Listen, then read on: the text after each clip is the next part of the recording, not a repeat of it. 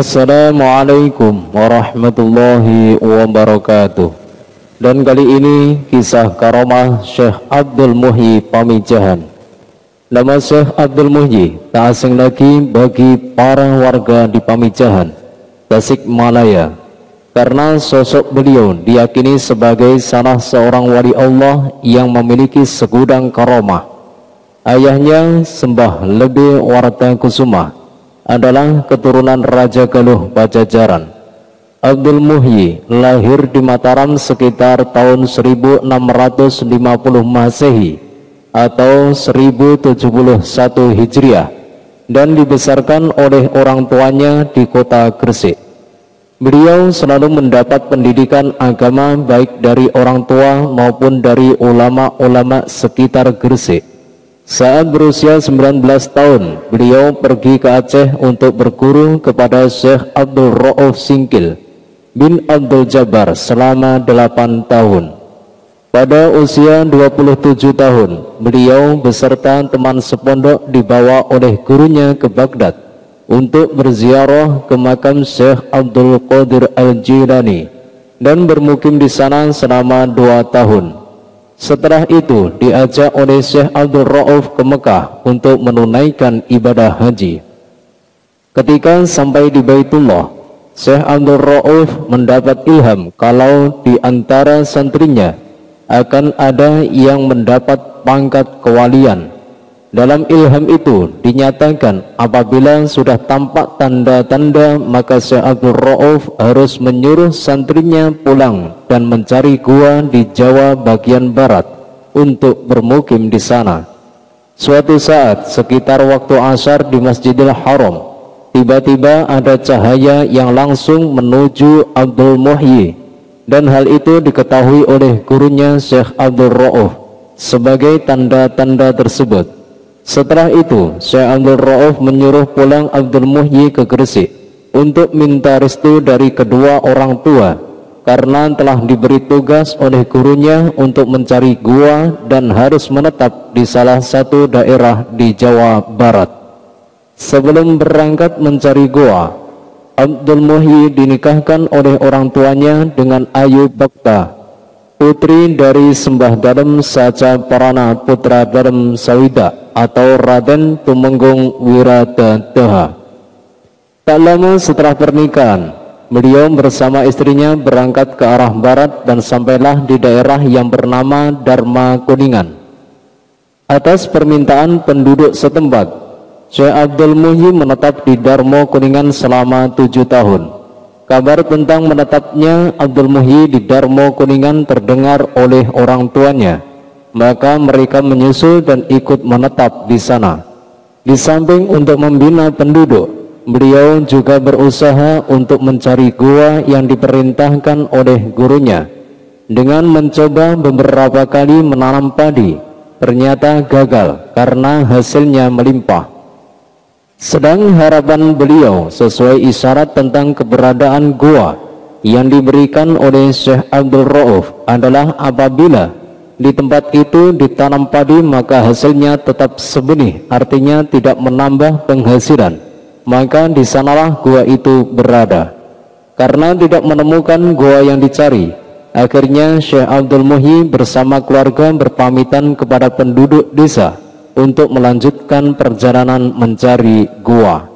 Setelah menempuh perjalanan yang cukup panjang sampailah di daerah Pamengpo Garut Selatan di sini beliau bermukim selama satu tahun untuk menyebarkan agama Islam secara hati-hati mengingat penduduk setempat waktu itu masih beragama Hindu. Setahun kemudian, ayahanda Sembah Lebih Warta Kusuma meninggal dan dimakamkan di kampung Dukuh di tepi kali Cikayengan. Beberapa hari seusai pemakaman ayahandanya, beliau melanjutkan berjalan mencari gua dan sempat bermukim di Batu Wangi. Perjalanan dilanjutkan dari Batu Wangi hingga sampai di Lebak Siu dan bermukim di sana selama empat tahun 1686 sampai 1690 Masehi. Walaupun di Lebak Siu tidak menemukan gua yang dicari, Beliau tidak putus asa dan melangkahkan kakinya ke sebelah timur dari Lebak Siau yaitu di atas gunung kampung Cirumbu. Akhirnya beliau turun ke lembah sambil bertafakur, melihat indahnya pemandangan sambil mencoba menanam padi. Bila senja tiba, beliau kembali ke Lebak Siau menjumpai keluarganya. Karena jarak dari tempat ini tidak begitu jauh, sekitar 6 kilometer. Suasana di pegunungan tersebut sering membawa perasaan tenang. Maka gunung tersebut diberi nama Gunung Mujarot yang berarti gunung untuk menenangkan hati. Pada suatu hari, Syekh Abdul Muhi melihat padi yang ditanam telah menguning dan waktunya untuk dipetik. Saat dipetik, terpancarlah sinar cahaya kewalian dan terlihatlah kekuasaan Allah Padi yang telah dipanen tadi ternyata hasilnya tidak lebih dan tidak kurang. Hanya mendapat sebanyak benih yang ditanam. Ini sebagai tanda bahwa perjuangan mencari gua sudah dekat. Untuk meyakinkan adanya gua di dalamnya, maka di tempat itu ditanam padi lagi. Sambil berdoa kepada Allah, semoga gua yang dicari segera ditemukan. Maka dengan kekuasaan Allah, Padi yang ditanam tadi segera tumbuh dan waktu itu juga berbuah dan menguning. Lalu dipetik dan hasilnya ternyata sama. Sebagaimana hasil panen yang pertama. Di sanalah dia yakin bahwa di dalam gunung itu adanya gua.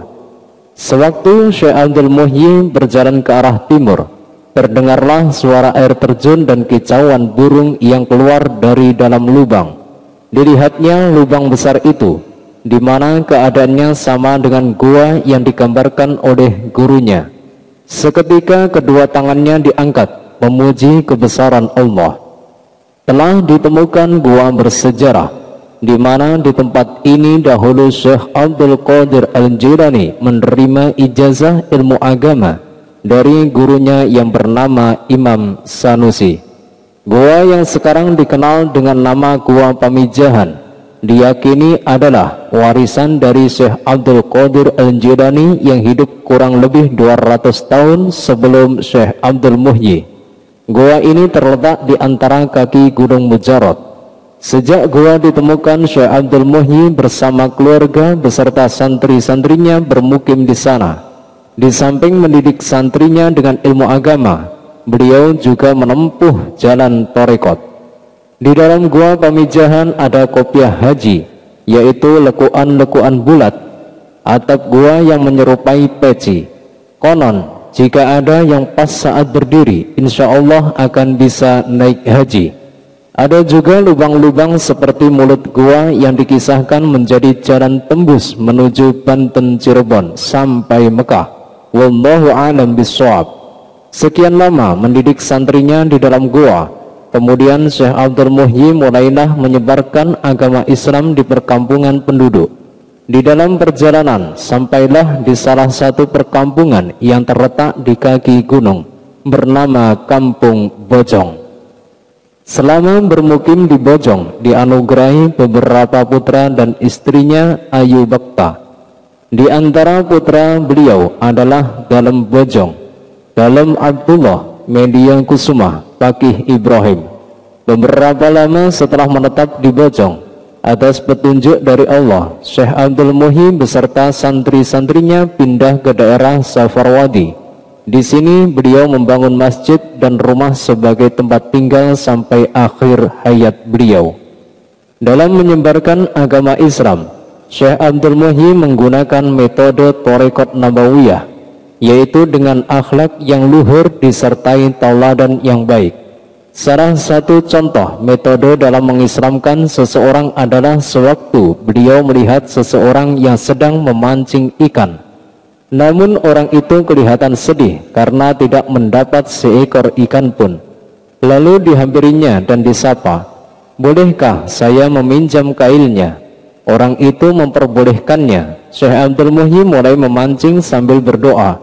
Bismillahirrahmanirrahim. Ashhadu an la ilaha illallah wa ashhadu anna Muhammadar Rasulullah. Setiap kali dilemparkan ke dalam air, ikan selalu menangkapnya.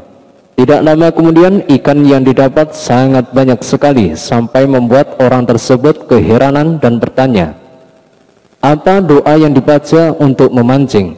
Beliau menjawab, Bismillah dan syahadat. Akhirnya orang tersebut tertarik dengan doa itu dan masuk Islam. Dalam kitab Istighol Tarekoh Qadiriyah, Naksabandiyah diceritakan beberapa kisah karomah Syekh Abdul Muhyi. Di antaranya adalah sebagai berikut. Pertama, suatu hari ada orang yang dikejar-kejar sekawanan lebah lari meminta pertolongan Syekh Abdul Muhyi. Kemudian Syekh Abdul Muhyi berseru kepada kelompok lebah itu, Kenapa kalian lebah bersikap begitu kepada manusia? Apakah kalian tak mengerti di dalam tubuh manusia lahir dan batin ada lataif la ilaha illallah. Lebah-lebah itu langsung mati.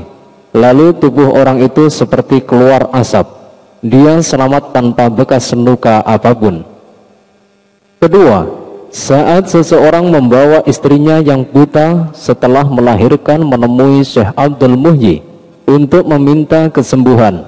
Oleh Syekh Abdul Muhyi, mereka diajak zikir, membaca kalimat tahlil, La ilaha illallah, sebanyak 165 kali di masjid. Tak berapa lama, wanita yang buta itu pun sembuh. Ketiga, di waktu yang lain, Seseorang membawa anak yang terkena stroke. Tubuhnya mati separuh untuk menemui Syekh Abdul Muhyi. Kemudian diajak oleh Syekh Abdul Muhyi berzikir kalimat tahlil sebanyak 165 kali. Akhirnya, setelah itu anak yang stroke tadi sembuh total. Keempat, ketika ada orang yang tidak bisa tidur selama 11 hari dan minta tolong kepada Syekh Abdul Muhyi Orang itu juga diajak berzikir sebanyak 165 kali dan lagi-lagi orang tadi akhirnya bisa tidur. Kelima, Syekh Abdul Muhyi juga menolong orang lewat karomahnya untuk memperbanyak hasil panen dan ternak kerbau. Keenam, Syekh Abdul Muhyi juga dikenal kesaktiannya. Beliau mengarahkan dua tukang sihir sakti dan kemudian dua penyihir itu menjadi murid-murid beliau. Di samping ahli dalam ilmu agama, Syekh Abdul Muhyi juga ahli dalam ilmu kedokteran, ilmu hisab, ilmu pertanian, dan juga ahli seni baca Al-Quran. Maka pada saat itu banyak para wali yang datang ke pemijahan untuk berdialog masalah agama seperti waliullah dari Banten, Syekh Maulana Mansur, putra Sultan Abdul Fatah Ageng Tirtayasa, keturunan Sultan Hasanuddin bin Sunan Kudung Jati juga Syekh Ja'far Sodik yang makamnya di Cibiuk.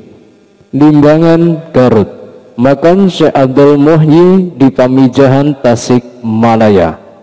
Demikian beberapa kisah karomah Syekh Abdul Muhyi Pamijahan. Assalamualaikum warahmatullahi wabarakatuh